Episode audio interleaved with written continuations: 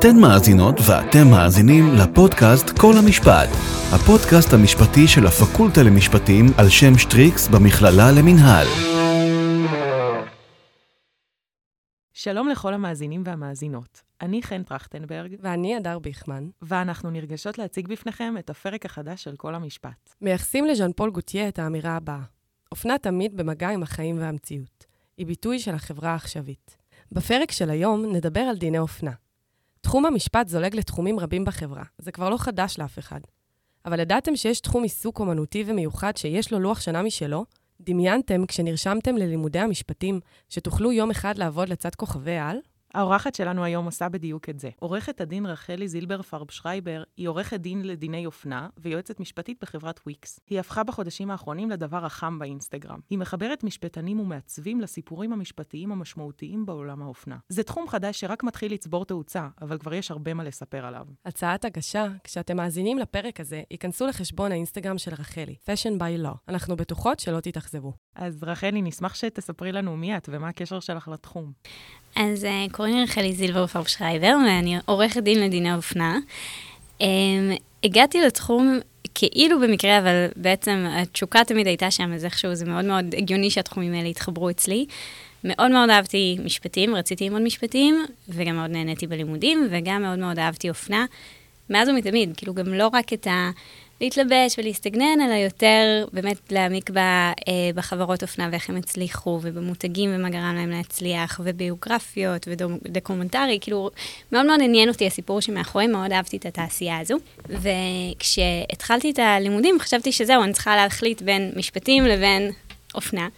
וככל שהתקדמתי בלימודים, אז באמת הכרתי פתאום את התחום הזה של קניין רוחני, שבכלל לא ידעתי שהוא קיים, וזה תחום שמאוד מאוד משך אותי, כל האומנות ומוזיקה ויצירות וגם אופנה.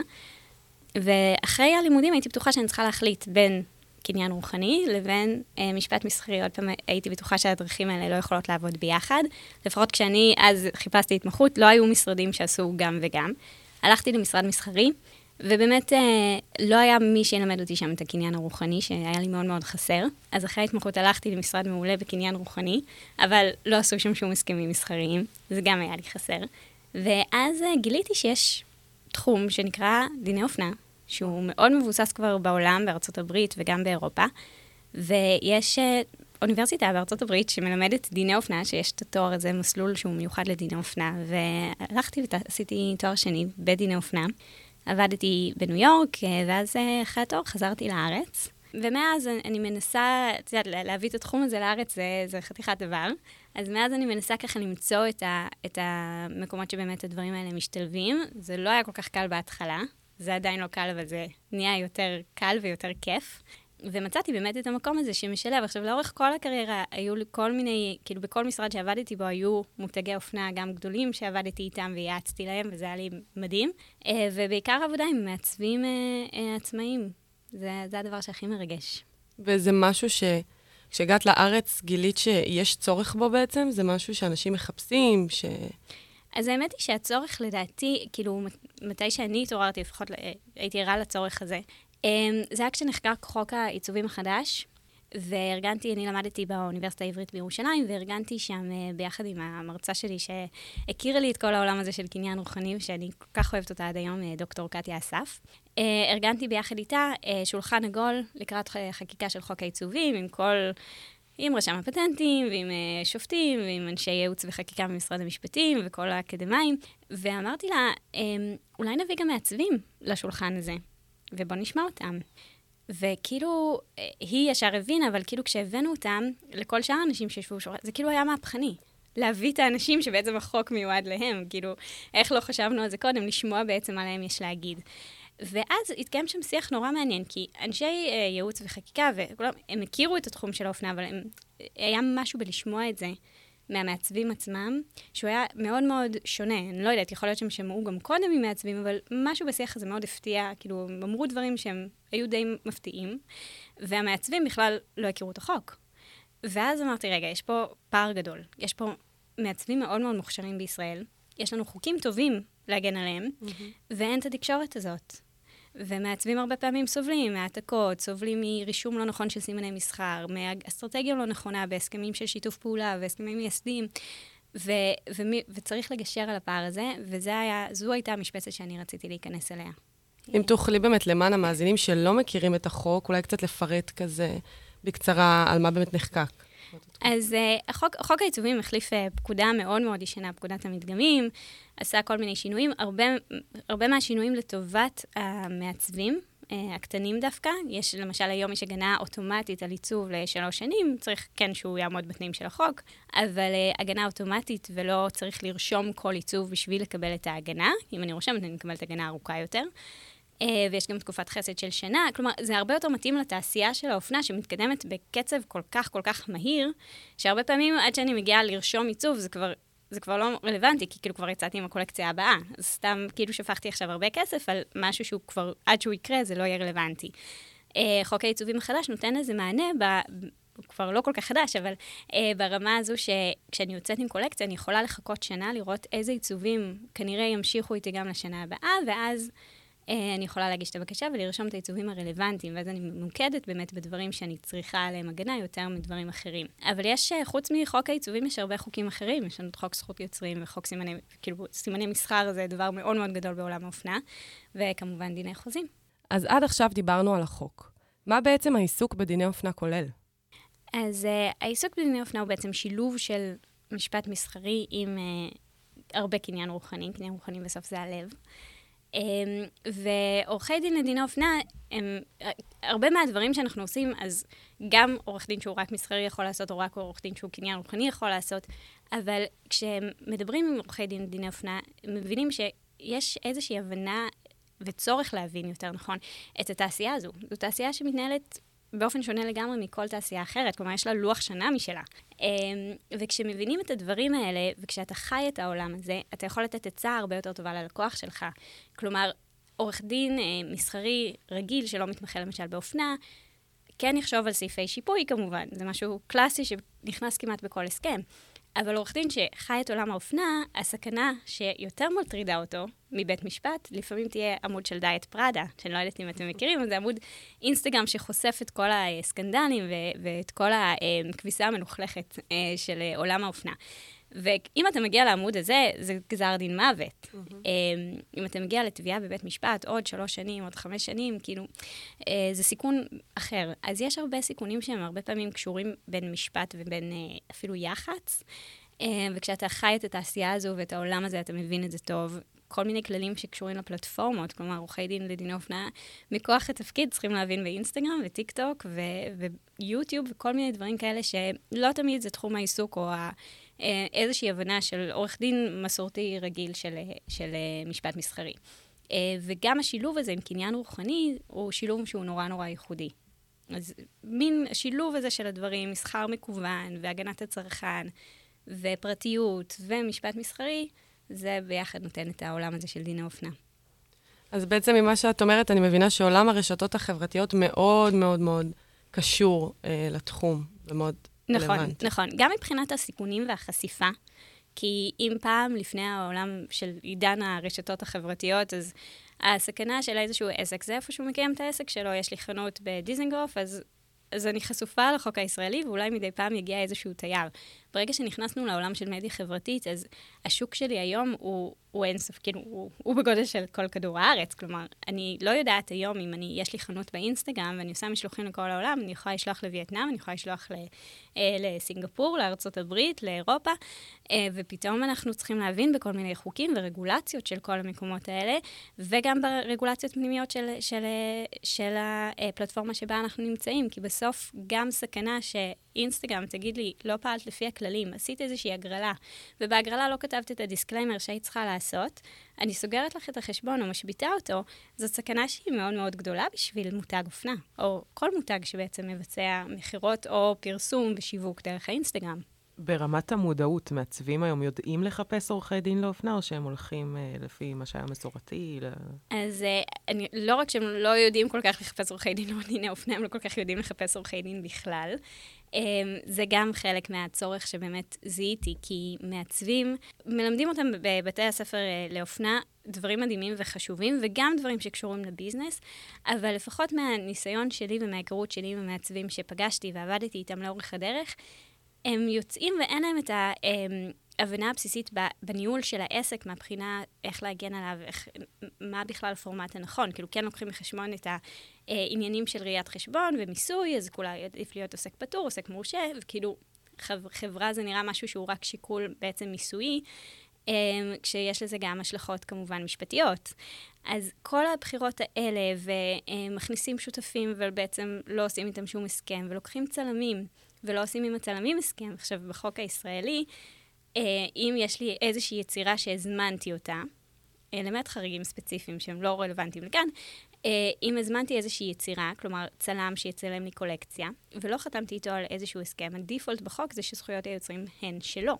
אז הם לוקחים צלם, מצלמים קולקציה, משתמשים בזה, עושים עם זה מה שהם רוצים, ואז יום אחד חוטפים לפעמים מכתבים עם סכום די דמיוני בשבילם, כדי להתפשר, כי הם השתמשו בתמונות מעבר בעצם למה שהם היו אמורים להשתמש. אז הם נתקלים בכל מיני סיטואציות כאלה, והרבה פעמים חוטפים תביעות ספאם, שהם שלחו מיילים לא בצורה נכונה, או לא הנגישו את האתר שלהם, ואז פתאום מתעורר... אה, רגע, אני צריך עורך דין, ואז גם הרבה פעמים באמת, רגע, את מי מחפשים ולמי פונים. ממה שאני מבינה ממך, בעבר את היית נכנסת יותר ברגע של הסכסוך כשהוא קורה, ועכשיו יש את החשיבות של להכניס אותך כבר בתחילת הדרך, את הדמות שלך עוד בהקמה, עוד בהתחלה של כל העניין, לא ברגע שמתגלה איזשהו סכסוך מסוים. נכון, הרבה פעמים כשבאמת, כשמתגלה סכסוך זה כאילו כבר מאוחר מדי. כן, כאילו, הרבה פעמים אם אה, מעצב לא הנגיש את האתר וחטף איזושהי תביעה על, על זה שהוא לא הנגיש, או אם אה, אה, הוא שלח מיילים ולא הסיר מרשימת דיבור, כאילו, יש לפעמים מה לעשות עם זה, ויצאנו לפעמים ממצבים כלשהם, אבל יש, זה, זה קושי יותר גדול, ואני לא מדברת בכלל על תביעות גדולות יותר של העתקה והפרה של זכויות אה, קניין רוחני של מעצבים אחרים. אבל ככל שמערבים באמת אה, עורכי דין בתחום בשלב מוקדם יותר, זה עוזר הרבה יותר. הדבר הכי חשוב זה בעצם למשל הרישום של ההגנה על הסימן מסחר.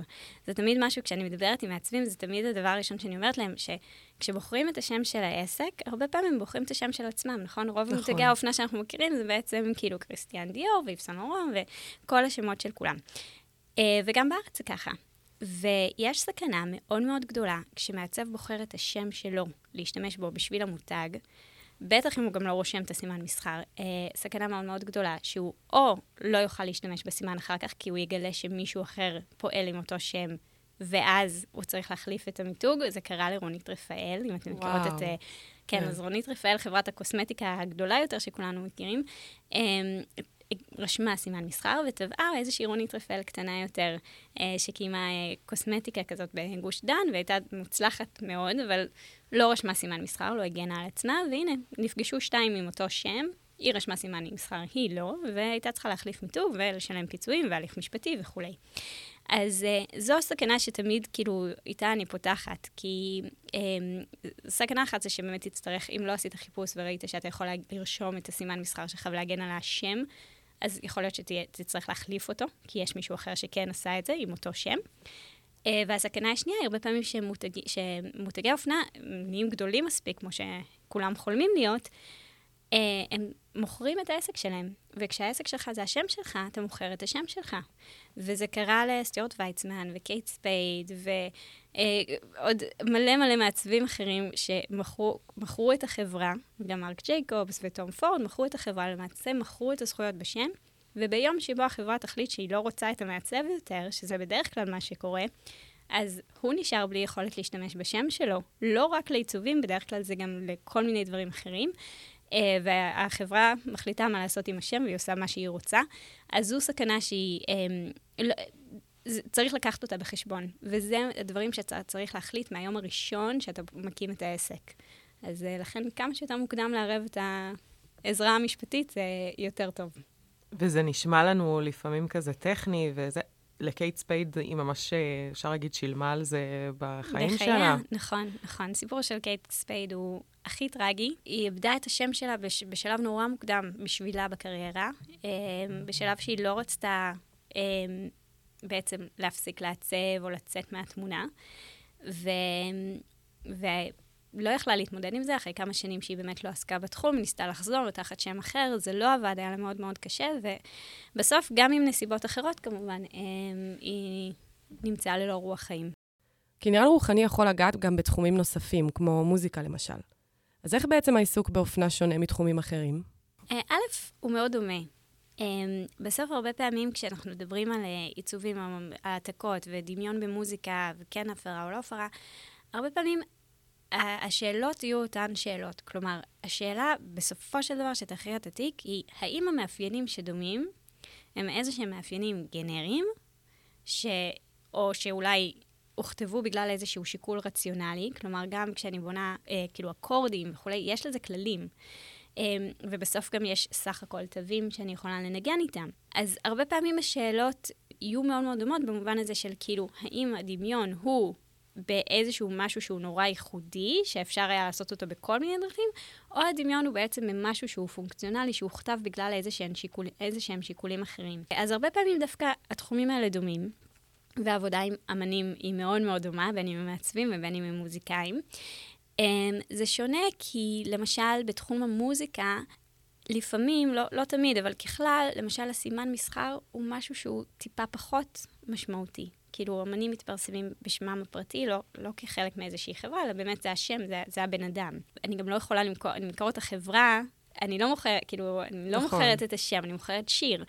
בעולם האופנה, סימן מסחר זה באמת כאילו ה-crown jewel, כאילו זה הדבר הכי חשוב. כאילו היום באמת, נגיד, אם שנל תמכור את כל המפעלים שלה וכל הסחורות שלה, תיפטר מהכל, הכל, הכל, הכל, ותישאר רק עם הזכות להשתמש בלוגו של השיא ההפוכה הזאת ושנל, זה, זאת חברה ששמה עשרות אם לא מאות מיליוני דולרים, אז באמת סימן מסחר באופנה הוא משהו שהוא נורא נורא אה, חשוב, לפעמים יותר מתחומים אחרים, בטח עם מוזיקה.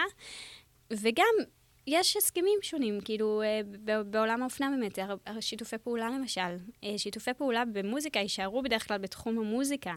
שיתופי פעולה בעולם האופנה, אנחנו פתאום רואים אה, תעשיות שמשלבות, כאילו, חברת גוצ'י פתאום עושה שיתוף פעולה עם פיאט, הרמס פתאום עושים עם אפל, כאילו, טכנולוגיות שונות, תחומים שונים לגמרי. מי דמיין שרל פלורן, שזה מותג שגם ככה ממש התרחב, הוא התחיל מלמכור עניבות לגברים, משם עבר לבגדים לגברים, ואז לנשים, ואז לילדים, ואז למצעים ומגבות וחלוקים. בקיצור, רהיטים, והיום אה, מסעדות גם, מסכות. וואו. הם היו צריכים לרשום סימן מסחר כדי להגן על המסכות שלהם של רלף לורן. אז זה משהו שקורה בעולם האופנה, וצריך גם לדעת לצפות אותו מראש, את ההתרחבות האינסופית הזאת של מותגים לכל מיני תחומים שונים, פחות קורה לדעתי בעולם המוזיקה. תעשיית האופנה בארץ היא לאו דווקא מהמפותחות בעולם. יש לנו מדינות כמו צרפת, איטליה, אפילו ארצות הברית, שממש מגנות על עיצובים ורעיונות באופן שמעודד יצירה. איך המשפט בארץ משפיע על תעשיית האופנה? יש השפעה כזו בכלל?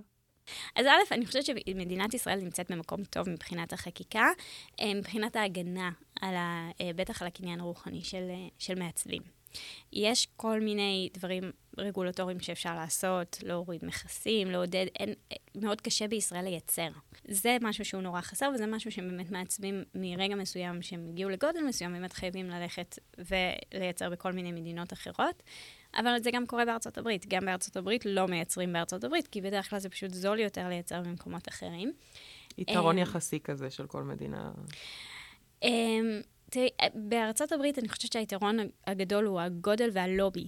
העולם האופנה שם הוא נורא מוסדר, הוא נורא חזק, זו תעשייה כל כך גדולה וחשובה, אמ, וגם הצרכנים מאוד מאוד מבינים את זה ומעריכים את זה, ויש לובי נורא נורא חזק. יש כמה associations בארצות הברית שהם רק מכוונים לדיני אופנה, אה, סליחה, לתעשיית האופנה בכלל, לא רק לדיני אופנה, אה, ובאמת פועלים למען המעצבים. אני חושבת שזה משהו שלי מאוד מאוד חסר בארץ, שאין את הגורם הזה שמאגד את המעצבים ופועל לטובתם. אה, גם כאילו תחת משרד התרבות, כאילו אין... אין איזושהי התייחסות ספציפית לאופנה, זה לא איזה משהו שאנחנו אה, דוגלים בו, וזה לא איזשהו ייצוא נורא נורא מרשים אה, במדינת ישראל. עכשיו, אני חושבת שחלק מהחלום שלי זה, זה שזה כן יהיה. אני חושבת שיש פה מעצבים מדהימים, וכל עוד יש בתי ספר לאופנה, והבתי ספר האלה מלאים כל שנה, יש הרבה מקום באמת לעזור להם ולפתח אותם. אה, אז אני חושבת שהרבה פעמים מבחינה טכנית ומיסויית וכל מיני שיקולים כאלה, יש אפילו מבחינת יח"צ, יש הרבה מקום לעזור פה לתעשיית האופנה. אבל מבחינת ההגנות והכלים שיש לנו, אני חושבת ש- שהם כבר קיימים, כי מבחינת החוק, אני חושבת שהמחוקק כאילו כן לוקח בחשבון, והנה חוק העיצובים החדש הוא באמת דוגמה מעולה לאיך המחוקק באמת מתייחס לתעשייה שעובדת אחרת, בקצב אחר. אבל uh, יש הרבה חסמים רגולטוריים לדעתי שחסרים, ובעיקר חוסר ב... שיתוף פעולה בין מעצבים למען מטרה אחת. זה עולם שיש בו גם הרבה מאוד אגו ואפילו חשדנות אחד כלפי השני. אמ, זה מצער, ולדעתי זה גם בסוף פוגע, כי אם היו הם, יודעים לשים רגע את הדברים האלה בצד למען מטרה אחרת, אז באמת אה, זה היה נראה כנראה אחרת היום. אמ, ויש מדינות באירופה, בצרפת ובאיטליה שהזכרת, שבאמת ההגנה שם היא הרבה יותר משמעותית. רואים את זה הרבה פעמים איך שזה בא לידי ביטוי בפסיקות. פסיקות בארצות הברית וביפן על העתקות והפרות, הרבה יותר קשה לצלוח אותן מאשר אה, הפרות באירופה, שבתי המשפט באמת הרבה יותר נכונים להגן על העיצובים ועל המעצבים המקומיים שלהם. העולם של הרשתות החברתיות מאוד רלוונטי לתחום. אה, ובסוף את בתור עורכת דין כן משתמשת בעולם הזה גם כדי... אה, ל... למצוא את הקהל שלך איפה שהוא נמצא. גם למצוא את הקהל וגם uh, ללמד המון אנשים, לספק המון ידע לקהל מסוים. Uh, זה גם מעניין לשמוע על איך את עושה את זה, איך זה עובד, uh, אם את רואה שיש ביקוש לידע הזה, אנשים רוצים ללמוד, אנשים רוצים להיחשף. Um, אני שמחה שאת שואלת את זה, זו שאלה טובה, כי, כי אני רוצה להגיד לאלו סטודנטים שמאזינים לנו, אמ, שאני חושבת ש, שהמקרה שלי, שאני ממש עדיין בתחילת הדרך, כלומר, הפודקאסט הזה הוא, הוא דווקא כאילו מה, מההתחלה של כל הדבר הזה, שאני, של עולם דיני אופנה, שלפחות כמו שאני רואה אותו. אמ, שהרבה פעמים נראה לנו שבאמת כאילו אי אפשר לשלב את התחומים שאנחנו אוהבים, אנחנו צריכים לוותר על דברים. ובסוף העולם כל כך גדול, וגם היום המגמה היא כל כך אה, נישתית. כלומר, פעם עורך דין היה יודע לעשות גם נדל"ן וגם דיני עבודה וגם אה, ליטיגציה וגם וגם וגם וגם. ויש עדיין עורכי דין כאלה, וזה מדהים לראות אותם. אבל היום הרבה יותר הולכים לכיוון הזה של כאילו להתמחות באיזשהו משהו נורא נורא ספציפי. ושילובים שלא חשבנו שאפשר לשלב אותם, פתאום, כן, עם התשוקה שם, ועם הלב שם, ואם זה מה שרוצים, אז אני ממש אה, מעודדת כל אחד ואחת שמאזינים לנו באמת ללכת ולחפש את הנישה הזאת. זה יכול להיות משפט וספורט, זה יכול להיות משפט וחלל, וזה יכול להיות uh, משפט ואופנה. יש כאילו מקום לכל הדברים האלה. כלומר, יש היום הרבה מקומות ויש בתי ספר בעולם uh, בתואר שני שאפשר ללמוד את הדברים האלה, אז ממש uh, צריך, אפשר וכדאי למצוא את הנישה ש, שעושה לכם טוב בלב. פתאום אני אומרת, רגע, באמת, למה לא כמו באוניברסיטה בארצות הברית ובאירופה ובאיטליה ובכל מקום בעולם, למה אין את זה פה? למה לא ללמד באמת דיני אופנה? כאילו, יש תוכן מאוד מאוד ספציפי וייחודי לדבר הזה. אז אנחנו יודעות שעולם האופנה הוא עולם גדוש שערוריות. איך את מתמודדת עם מעצב שפונה אלייך ומעדכן אותך שזה מה שהוא הולך לעשות? הרבה פעמים את רואה את הדברים האלה, כי באמת אין ייעוץ משפטי בתמונה. אמ, והרבה פעמים הסיכון הזה לא מתממש, כאילו לפעמים אין עורך דין, וכאילו, והנה, זה עובר חלק והכל בסדר. אמ, ואני גם לא מאחלת תביעות לאף אחד, אמ, זה לא משהו שאני שמחה שיש בעולם.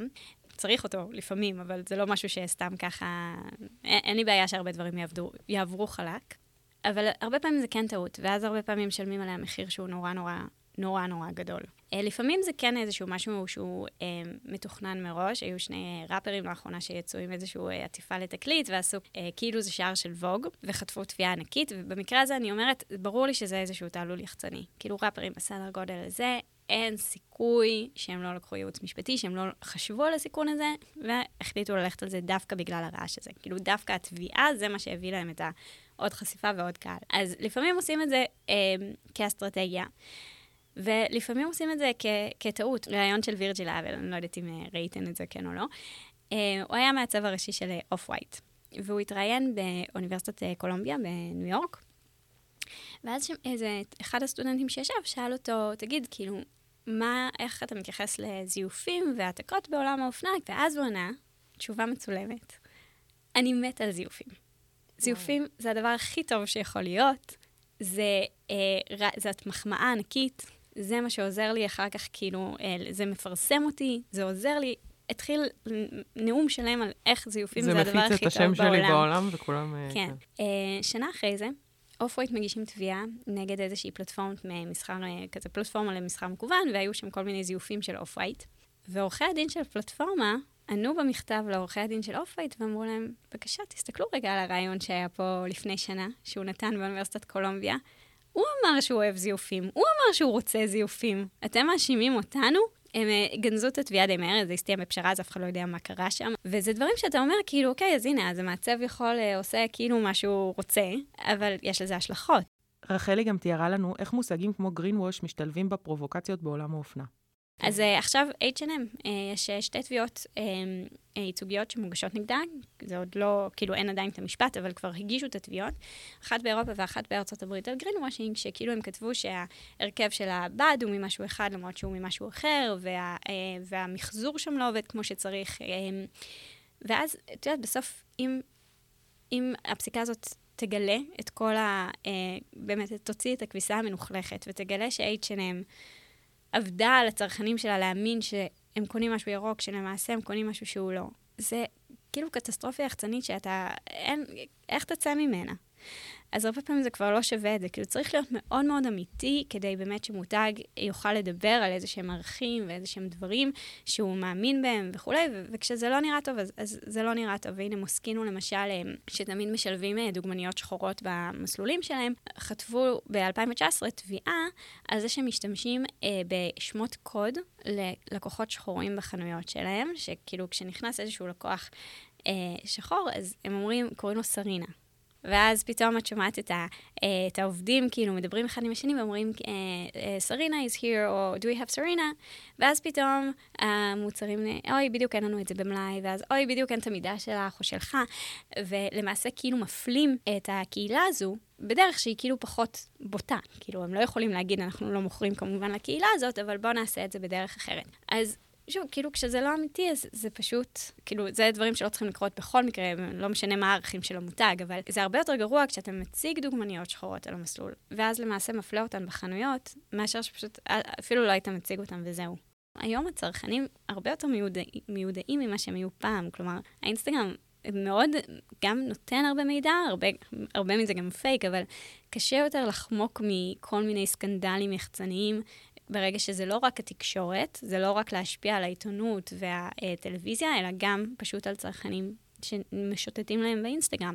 והעבודה של יועץ משפטי בדיני אופנה, שמתמחה בתחום הזה, היא לא רק משפטית, היא גם יחצנית. הוא צריך באמת להכיר את העולם הזה ולדעת לחשוב על הדברים האלה. הרבה פעמים מה שהם אומרים, אוי, לא ידענו, אופס, מורידים, אז עשו פרובוקציה, עשו הרבה רעש, השם שלהם נמצא בכל מקום, כל מיני מעצבים.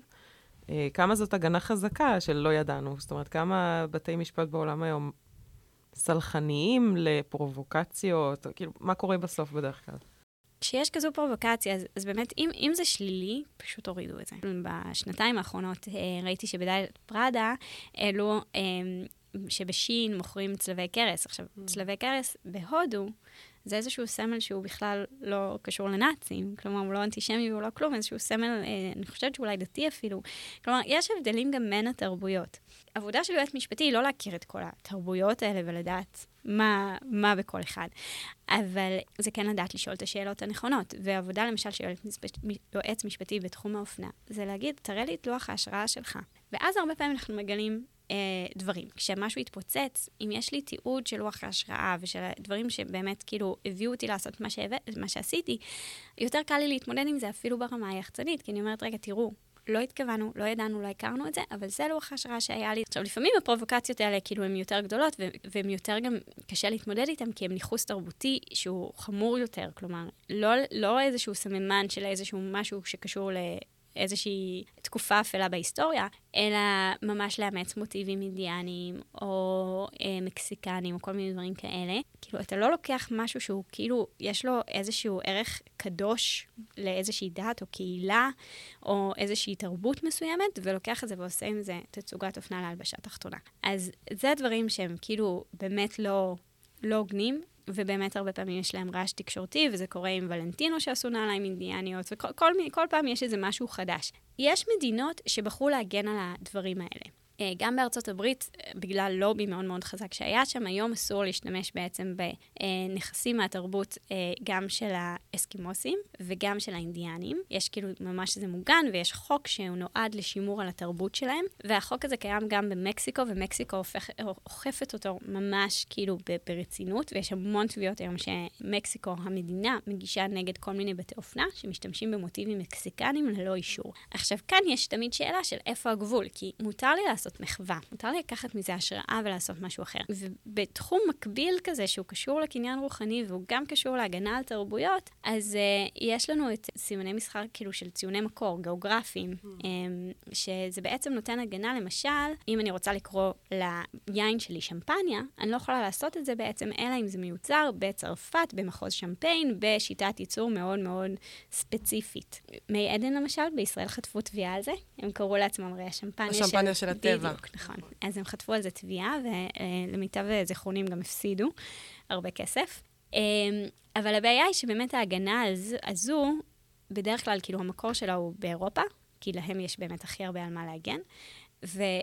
כמעט כל מי שנמצא שם באמת זה ציוני מקור של אירופה וארצות הברית, מדינות חזקות ומערביות, והבעיה היא שמדינות העולם השלישי ומדינות חלשות יותר, שמהן דווקא נגזל, נגזלת התרבות, אצלן באמת אין את ההגנה, הם כאילו הן לא מדברות את אותה שפה, אין את ההגנה הזאת, הן לא יודעות כל כך לאכוף אותה כמו שצריך. אז יש התעוררות בתחום הזה, יש את, את ההתעוררות שמגיעה ממקסיקו וגם קצת מארצות הברית והאינדיאנים, וזו התעוררות מבורכת בסופו של דבר, ו, אה, ואני מקווה שהיא, שהיא באמת אה, תעשה קצת, קצת יותר סדר במה לגיטימי ומה לא, לפחות בעולם האופנה. תודה רבה שהגעת להתראיין אצלנו, נהנינו מאוד. תודה רבה שהזמנתן אותי, היה לי ממש ממש כיף, ואני פשוט עפה על זה שיש את הפודקאסט הזה של המכללה למינהל, זה רעיון אדיר, וממש מגניב שאתן עושות את זה, אז, אז תודה רבה. תודה לך, ואנחנו מזמינות את כל המאזינים והמאזינות שלנו להיכנס לאינסטגרם ולראות את רחלי, ללמוד ממנה, יש הרבה מה ללמוד. Fashion by law. Fashion by law באינסטגרם, ותודה רבה לכם. אנחנו מזמינות אתכם להמשיך לעקוב אחרינו בעמוד הפייסבוק שלנו, כל המשפט, ועמוד האינסטגרם שלנו, קולמן בלוגקאסט. אם אהבתם את הפרק, שתפו את חבריכם.